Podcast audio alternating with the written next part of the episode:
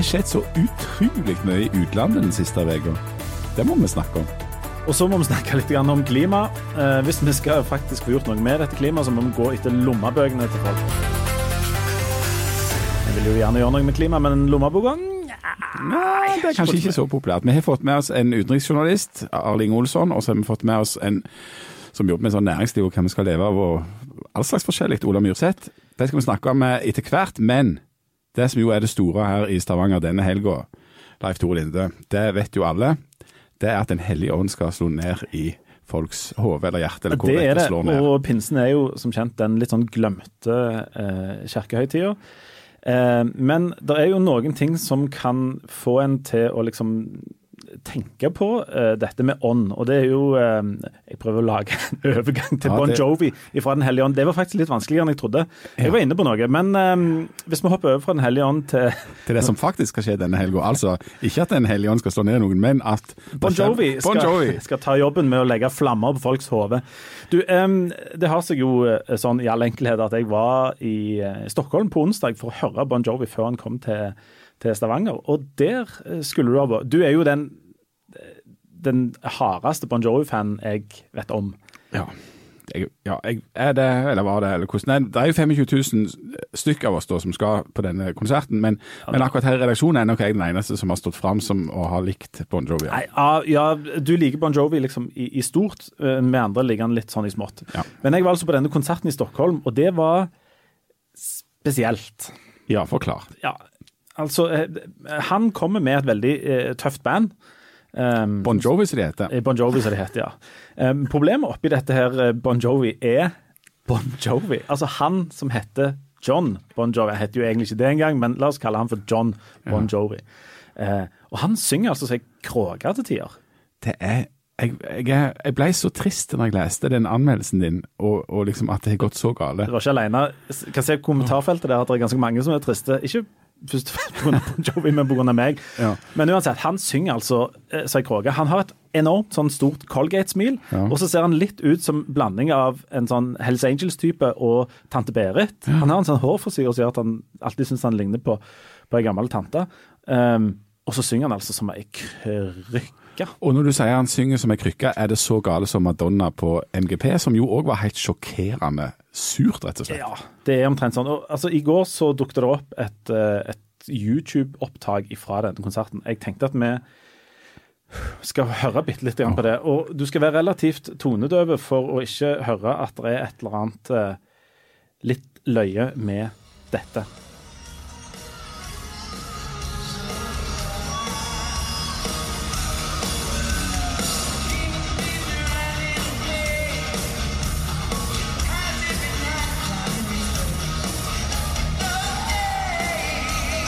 Nei, det Åh. Åh. Åh, det er jo Det gjør rett og vondt på enormt mange forskjellige måter, dette her. Hva er det? Hva, hva, åh, hva er det? Nei, det, det, som, det som viser seg da, det er jo at uh, han, um, han sliter jo rett og slett med å eh, synge en del av disse sangene som han lagde når han var eh, 30 og 25 år yngre enn det han er i dag. Altså Fra den der eh, tida med høyt hår og puddel og glam og alt dette her, er, der er det noen sanger som ligger enormt høyt i registeret. Altså Han må høyt opp, og det klarer han ikke. Um, og så sliter han litt sånn i midten òg. Og når jeg var på denne konserten i, i Stockholm, så eh, på et tidspunkt så måtte jeg ut og late vannet litt. Og når jeg kom ut der, så sto det to karer og eh, diskuterte heftig på svensk. En i litt sånn arrangørutstyr, og en annen. Eh, og han, han andre, han vanlige publikummeren, han eh, sto der og ville ha pengene tilbake, for han mente det var noe teknisk feil med lyden. Altså at det var på en måte sånn som var galt.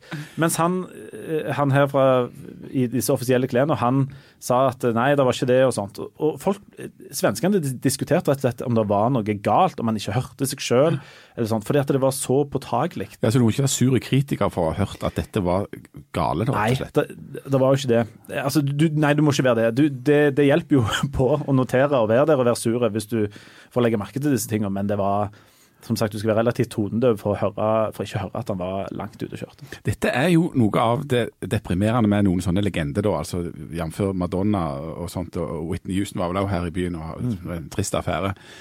Men altså, du får legendestatus, du er et svært navn i musikken, og så reiser du rundt. eh, og Det er lenge siden du egentlig lagde noe minneverdig, men du lever da litt på gamle glør der. Mm. Men så er rett og slett ikke stemmen og kroppen og det sånn fysiske, eller altså det samme som det en gang var. Nei, og det, og det kan være at vi må gjerne ta høyde for at han hadde en dårlig dag. Jeg eh, ble stående og småsnakke med noe- noen Svante og Patrick og noen ut forbi. Svantes lykkelige dag. Ja, eh, det var noen sånne som gikk med, sånne, med sånne, sånne T-skjorter som du jo tar på deg i sånne anledninger for å vise at du har vært på konsert med vedkommende før. Ja. Eh, og de sa jo at, eh, at de hadde hørt han synge ganske godt før. Ikke sånn strålende, men mye mye bedre enn dette.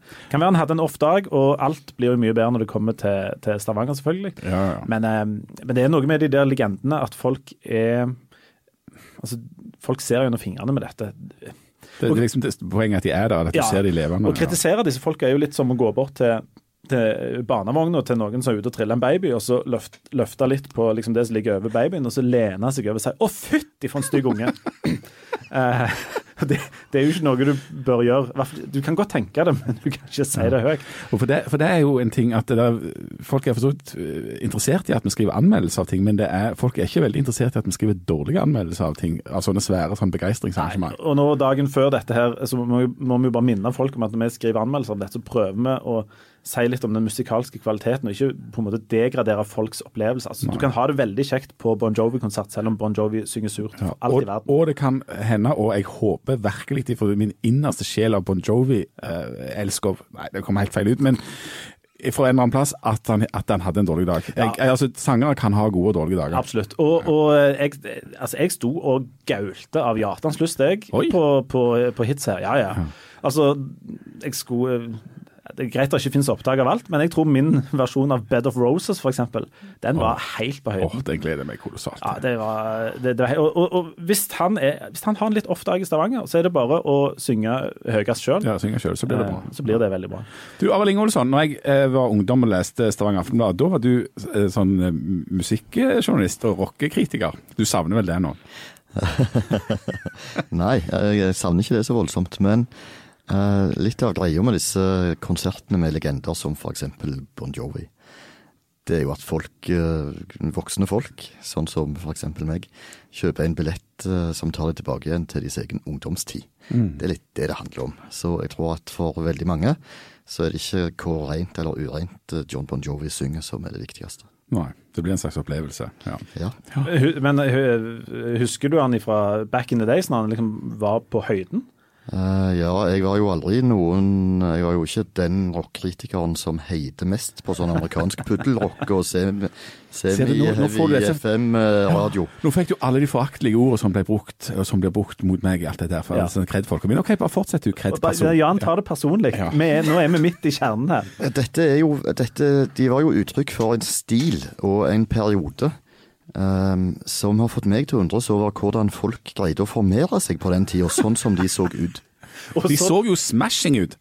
Og gud Jo, vet at de formerte seg, eller de øvde iallfall på det. Noe voldsomt. Dette er jo bare å lese The Dirt og Men Arild har et poeng her, og det er at eh, med såpass eh, altså Vitenskapen er jo kommet så langt at de advarer jo mot så trange bukser i den type stoff som det ble lagd i denne tida. Altså sånne skybukser og sånn fører jo til at kvaliteten på osv.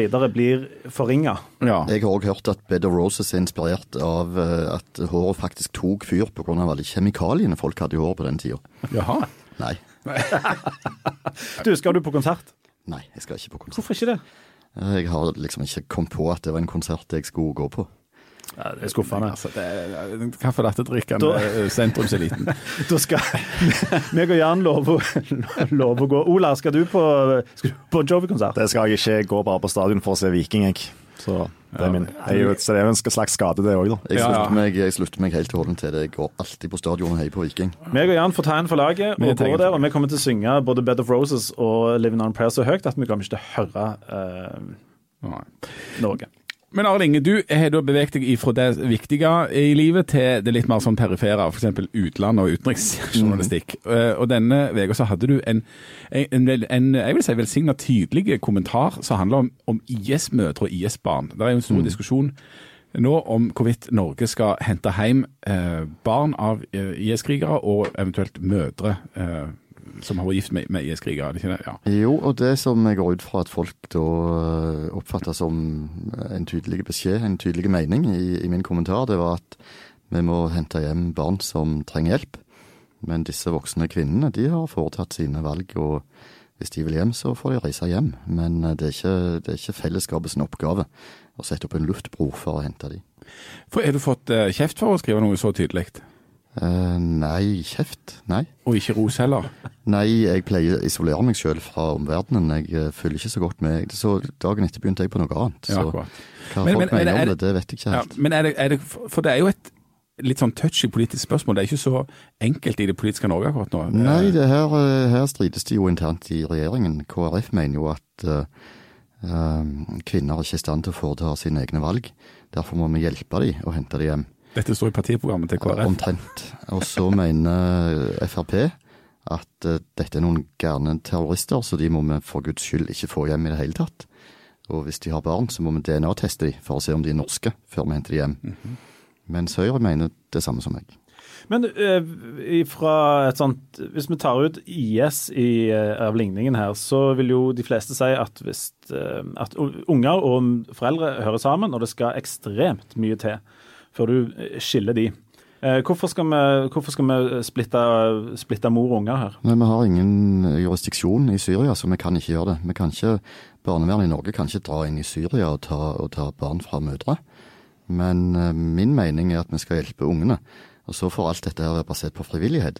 Hvis mødre vil sende ungene hjem til Norge, f.eks. til besteforeldrene, så mener jeg at vi skal stå klar til å hjelpe de ungene hjem. Mens hvis mødrene eh, ønsker å dra tilbake til Norge for eventuelt å ta et oppgjør med det norske rettsvesenet, så får de gjøre det for egen maskin. Og det er ikke så veldig vanskelig eh, å få til. De sitter i en flyktningleir. De aller, aller fleste av de, i hvert fall de aller fleste jeg har truffet i flyktningleirer, jeg har vært i ganske mange flyktningleirer, de har en smarttelefon, så de holder kontakt med venner og kjente og familie med rundt i hele verden. Og eh, det å ta kontakt med familie for å få hjelp til å komme seg hjem, eller med en norsk utenriksstasjon, sånn at det kan ligge et eh, nødpass eller eh, og kanskje en flybillett eh, på en flyplass du reiser til, i dette tilfellet ville det vært i Erbil i Irak, så, så er det faktisk fullt mulig og en nokså enkel ting å gjøre. Norge brukte jo ganske mange millioner og ganske mange år og en enorm innsats på å hjelpe to som var anklaga for mord i Kongo. Og til slutt så fikk de den ene hjem. Er det noe sånn parallell der? Altså at hvis du har forbrutt deg mot noe som nordmenn i utlandet, hva slags ansvar har Norge for å stille opp? Uh, altså Norge, sitt, Norge har jo et ansvar for å følge opp eh, sine borgere. Hvis du, Jan, forbryter deg mot loven i et eller annet land uh, og kommer i fengsel, så vil typisk noen fra en norsk utenriksstasjon komme og besøke deg av og til og se om du har det ok. Og hvis du, hvis du har det veldig, veldig dårlig, uh, hvis det er sånn at du holder på å dø, så vil de kanskje ta et initiativ for å hjelpe deg ut av den knipa. Disse, Men det er ikke snakk om det her, altså. eh, eh, hvorfor har disse damene reist ned? Altså, er, de, er de lurt ned? Har de reist ned fordi at de vil ned og bidra til krigen? Har de Ja, hvorfor er de der nede?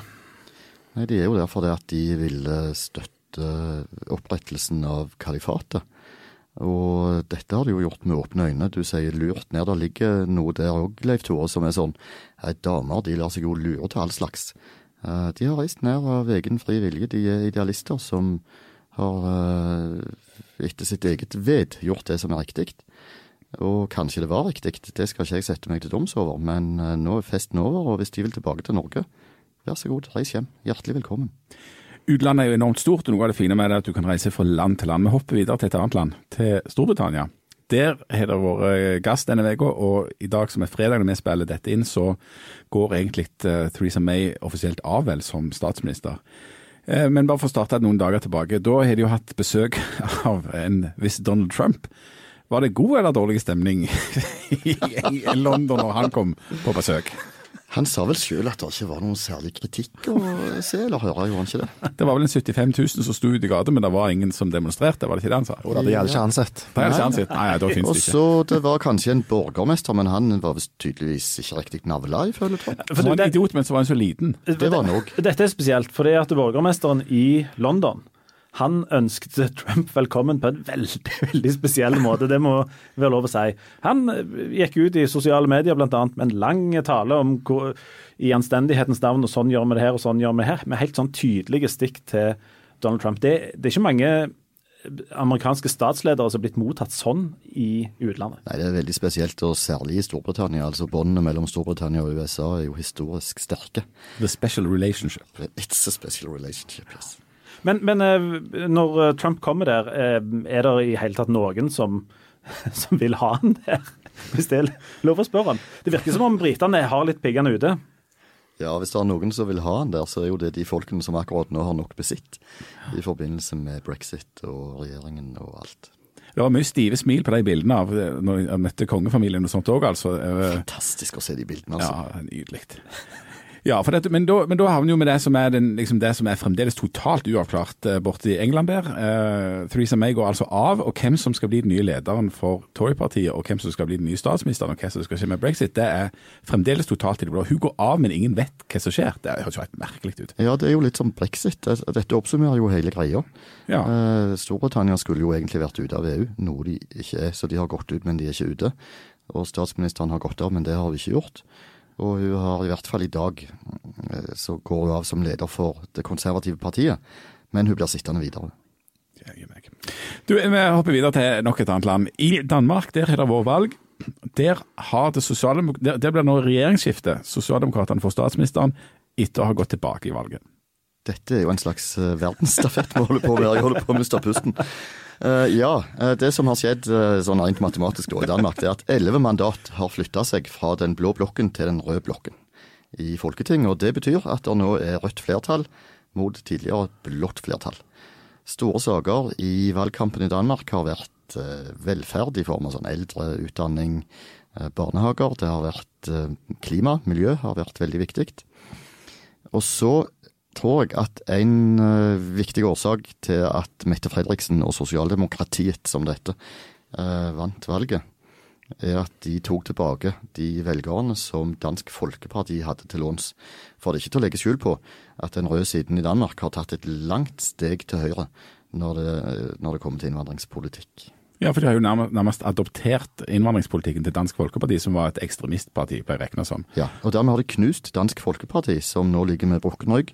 Og det gjør jo at Lars Løkke Rasmussens uh, Høyre-regjering, uh, eller egentlig en Venstre-regjering, da, men dette Høyre, Eh, på, ikke, på, norsk. Ingen grense for så, så, er de, eh, så, så mista jo de da elleve mandat. Eh, danskene kan jo ikke dette med høyre og venstre, og så dette med tall over 50. Der er det jo helt håpløst. Men er dette For innvandring har vært ei heit potet i Danmark, sånn som det har vært i veldig mange andre europeiske land. Det som eh, da det danske Arbeiderpartiet, eller sosialdemokratiet, har gjort, er det en slags if you can't beat them, join them eh, på dette med innvandring? Ja, eller en slags if you can't beat them, eat them. Fordi at, for å si det sånn. For at eh, det venstresiden i Danmark, altså de røde partiene, har greid å gjøre i dette valget, eller foran dette valget, det er å på den ene siden gå til høyre i innvandringsspørsmål. Sånn at de får tilbake velgere, tradisjonelle sosialdemokratiske, kanskje eldre velgere, som stemte med Dansk Folkeparti noen valg. De har de henta tilbake. Det har òg skjøvet en del av de tradisjonelle velgerne innenfor uh, sosialdemokratiet over til andre venstrepartier, som f.eks. Sosialistisk Folkeparti. Så har vi i tillegg Enhetslisten, som ligner på Norsk Rødt. De har greid å gjøre seg ganske grønne i denne valgkampen. Og, og dermed har venstresiden, altså de røde partiene i, i, Danmark, greid å få inn både innvandring og klima som gode saker mm. for sin side. Du, eh, vi, skal, vi, skal, gå over på dette miljøgreiene snart. Men eh, jeg har jo fått det inntrykket av at det var en voldsom sånn høyrevind over Europa. Altså omtrent over et samla Europa. At det er høyrepartiene som går fram. Det er høyrepartiene som får makt. Um, og altså òg i mange litt sånn vesteuropeiske land. Um, er, er, det noe, Hvis du ser det store bildet i Europa, er det noe forandring på det? Er vinden fra i ferd med å snu, som hvem var det som sang det? Halvdan Sivertsen. Halvdan Sivertsen. Ja. Nei, det, altså, det er kanskje to megatrender da, innenfor politikk i Europa nå. Uh, og Det ene er jo en høyredreining som følge av, uh, altså som et svar på en ganske stor innvandring de siste årene, fra Midtøsten særlig. Uh, og så er det klima. I Danmark slo det litt annerledes ut denne gangen. det høyrepopulistiske partiet Dansk Folkeparti ble halvert, og Det grønne partiet gikk òg kraftig tilbake. Ja, og det er jo ingenting mer naturlig enn det i en valgkamp der miljø er en veldig viktig sak. Hva, hva, hva i all verden er det som har skjedd med, med folk når miljø er en av de viktigste sakene, og Miljøpartiet går tilbake igjen? De har, de har ikke greid å, å framstå som et troverdig alternativ. Eh, partiene på den røde siden, for å si det sånn, har, har greid å absorbere uh, dette mye bedre. Og har fått med seg de uh, velgerne, særlig de unge velgerne. Vi hadde jo òg et europavalg her nå forrige helg, og der var det jo også en klar trend at de grønne partiene gikk eh, fram. Spesielt eh, bl.a. i Tyskland, som jeg følger ganske tett. Der ble jo miljøpartiet De Grünen det nest største partiet, med over 20% av stemmene. Eh, klart større enn SPD, som er det sosialdemokratiske partiet der, og tradisjonelt har vært liksom det andre store partiet. Og blant eh, folk under 30 år så fikk de 30% av stemmene. Så og disse velgerne er det da de røde partiene som greier å ta uh, til seg i Danmark. Men det sier kanskje mest av alt noe om partiet Alternativt, som ikke har spilt kortene sine riktig i Danmark. Og Der kom du, Ola Myrseth, inn. Du jobber i Sysla og kan leses på nett både hos oss og hos Bergens Tidende og rundt omkring. Og har en egen podkast som alle må høre på, som heter Det vi lever av. Sysla har den, ja. Du snakket med en interessant tsjekkisk-kanadiske professor her i forrige uke om nettopp dette med klima og klimasaken, og hva en må gjøre hvis en skal få gjort noe med det. Hvem, hvem var det du snakket med? Og Si litt om han. og Vaklav Smil heter han. Han er en 75 eh, år gammel eh, professor eh, han lever ikke opp til etternavnet sitt, nei. nei. det gjør han ikke. Såpass kan vi vel si.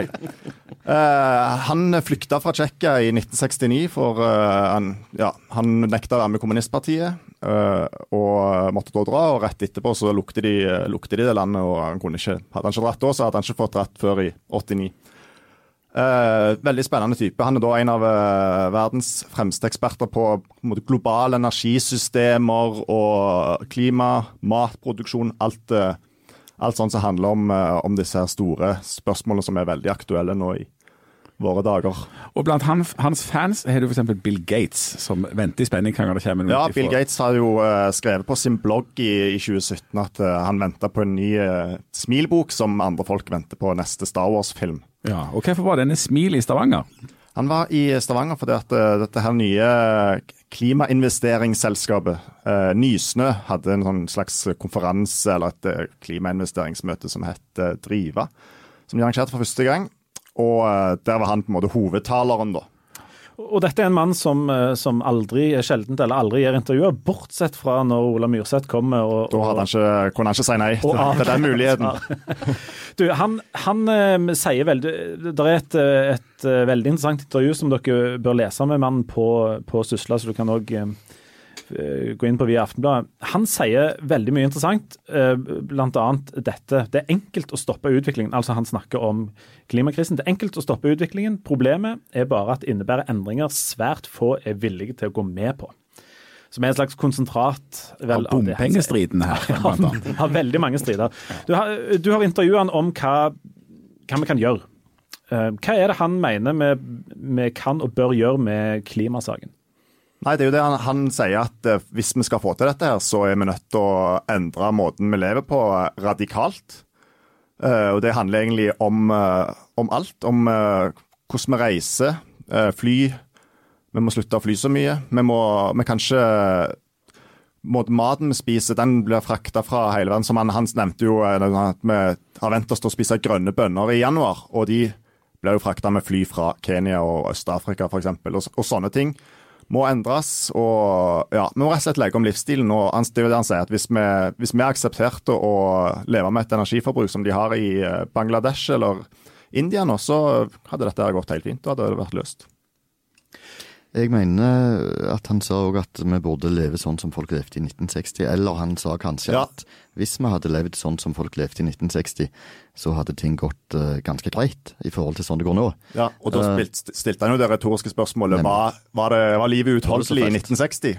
Og det var det jo åpenbart ikke, men eh, det var ingen som fløy til, fløy til, Syden for en billig penge og sånne ting. For mye av det han snakker om, handler om, eh, om frakt ikke sant? av eh, folk og frakt av gods. Og der ligger eh, vel egentlig hele, hele, hunden begravd her. ikke sant? At vi driver og frakter både oss sjøl og de tingene vi vil ha eh, rundt hele verden. Um, og det er omtrent så enkelt at det må vi slutte med, da.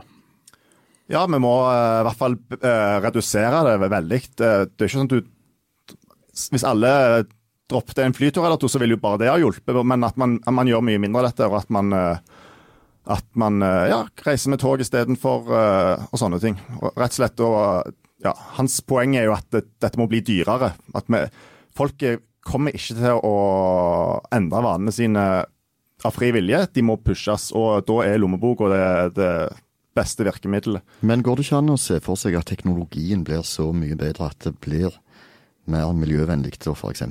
fly grønne bønner fra Kenya til Stavanger? Det går an å se for seg, og, og man vet jo aldri når, om det plutselig kommer et teknologisk skifte. Men sånn som situasjonen ser ut nå, så er det, det er langt fram i tid. Og så er det vel òg sånn at uh, det, er flott, altså, det er flott at flere kjører Tesla, men hvis hele jordens befolkning hadde hatt hver sin Tesla, så måtte vi fremdeles lagd 7-8-9-10-11 milliarder Teslaer, og da er vi på mange måter uh, like langt. Men han, han nevner bl.a. at vi, altså, vi kan ikke fly til Syden for 300 kroner. Um, og, og, foreslår et slags sånn eskalerende avgiftssystem, som òg andre har snakket om. Altså at du ja, Nå parafraserer jeg han litt, men uh, du får en flytur i året. Hvis du skal på neste flytur, så må du betale mye mer. Og hvis du, den tredje flyturen din går til en sydenferie i Thailand, så det, legger du på 400 mener han, eh, mener han at dette er realistisk å få til?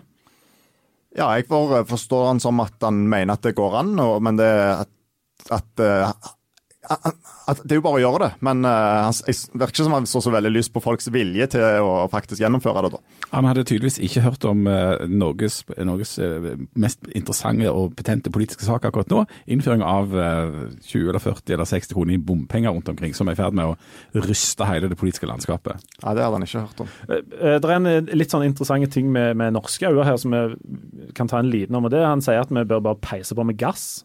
Jeg trodde det var farlig med gass. Det brenner jo å lage eksos, gjør ikke det? Ja, Dette er jo den, den evige diskusjonen som uh, pågår nå for tida, med hvor oljebransjen på mange måter rettferdiggjør sin uh, framtidige eksistens med at det er mye bedre med gass enn kull. Og at måte, gass kan være med å bidra til Det kan være en bro til fornybarsamfunnet, som de sier, ved å erstatte kull. Og Det er jo uh, for så vidt uh, sant. Det, det er uenighet om dette selvfølgelig òg, men uh, det er jo sant, og det mener han òg, at man kan raskt øke produksjonen av gass, og det vil fase ut kull. Og kull forurenser mye, dobbelt så mye som gass. Men Ola, du skriver om næringsliv og penger og sånne ting. Mm. er det noen grunn til å tro at verden virkelig vil dette? Nei, det er jo det som er er ikke, det er ikke nok. Det er, altså, det er nok noen som vil det, men ikke mange nok. Det... Vi lever jo i en tidsalder her nå der økonomene bestemmer alt. Og ja. jeg mener ALT, absolutt alt.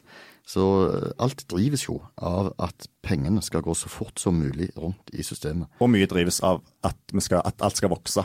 Hele tiden vekst, vekst, vekst. Det er et veddemål om mer vekst hele tiden. Mm. Og, og, det da... får du jo ikke Nei. med det som Smil uh, foreslår. Det gjør det definitivt ikke, og det er jo egentlig uh, poenget hans òg. At uh, dette er løsningen, men det er ganske urealistisk at eh, folk vil gjennomføre det. Mm. Uh, vi har snakket litt om politikk tidligere, og, og de grønne partiene sine ja, nå, fram noen plasser og tilbake noen plasser. Vi har snakket tidligere også, om at det er rart at når klimasaken er så stor som den er i Norge, f.eks., der engasjementet virkelig begynner å, å koke, at ikke det norske, altså de grønne er større enn de er. Men hvis vi ser eh, sånn som valgene i Europa har vært nå Hvis det er et parti da i et vesteuropeisk land som eh, dunker neven i bordet og sier ja, det er flott, alle får én flyreise i året. Neste flyreise koster deg eh, dobbelt så mye. Og nummer tre er 300% osv. Eh, og virkelig går for disse radikale eh, forslagene, altså som er Miljøpartiet De Grønne pluss en del. For det er jo en del av disse forslagene her. Um, det, eh, Fins det mulighet for et sånt parti å faktisk bli valgt? For folk, altså Hvis vi velger politikerne våre, og de kan bestemme, så kan jo muligens til og med påvirke en annen økonom. Eller jeg, overgå de. Jeg er ganske sikker på at svaret på det spørsmålet er nei. Fordi at det rokker jo ved grunnleggende frihetsbegreper. Eller komfort. Ja, og forståelsen av at du liksom skal ha lov til å bestemme sjøl hvor mange flyreiser til Kypros for 530 kroner du vil gjøre i året. Det er ikke noe staten kan pålegge deg. Jeg tror heller ikke det hadde vært noen suksess. Altså De Grønne er eh, tydeligvis for radikale, bare de, eh, og Miljøpartiet De Grønne.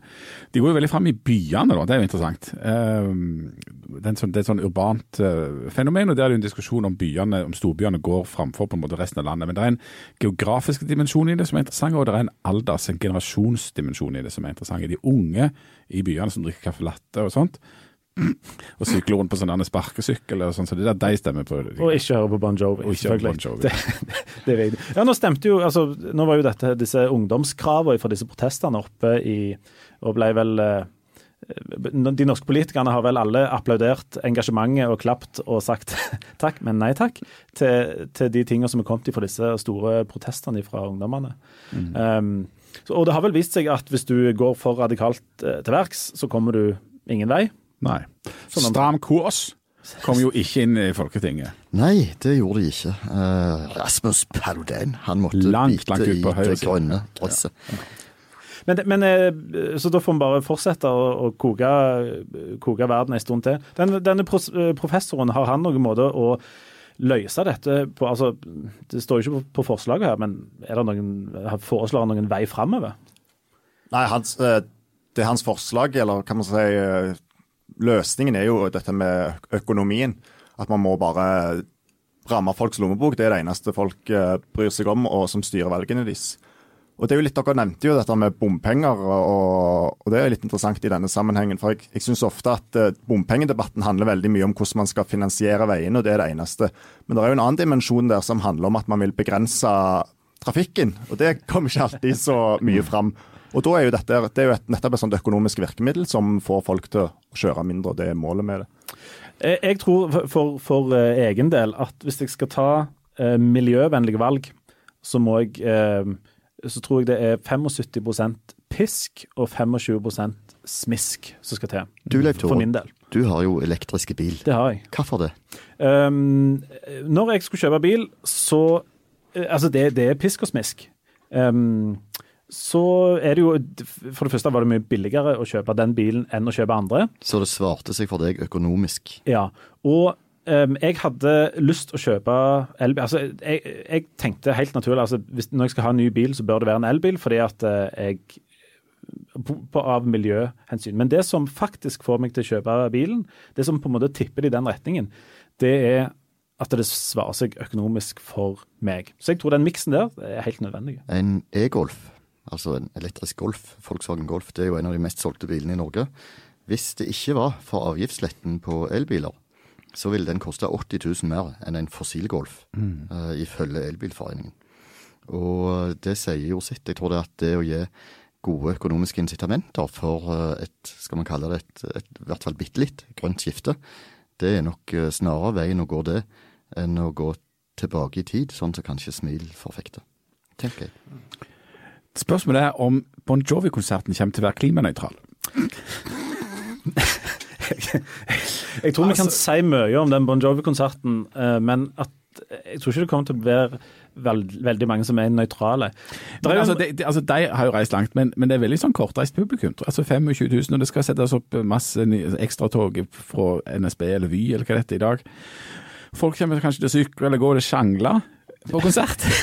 Og det er jo Den eneste måten å, å forholde seg helt nøytrale til uh, denne John Bon Jovi når han synger Hvis han synger sånn som han gjorde i, i, i Stockholm, det er jo å nyte kortreist forfriskninger, sånn at du kan, kan numme deg ned litt. Ja.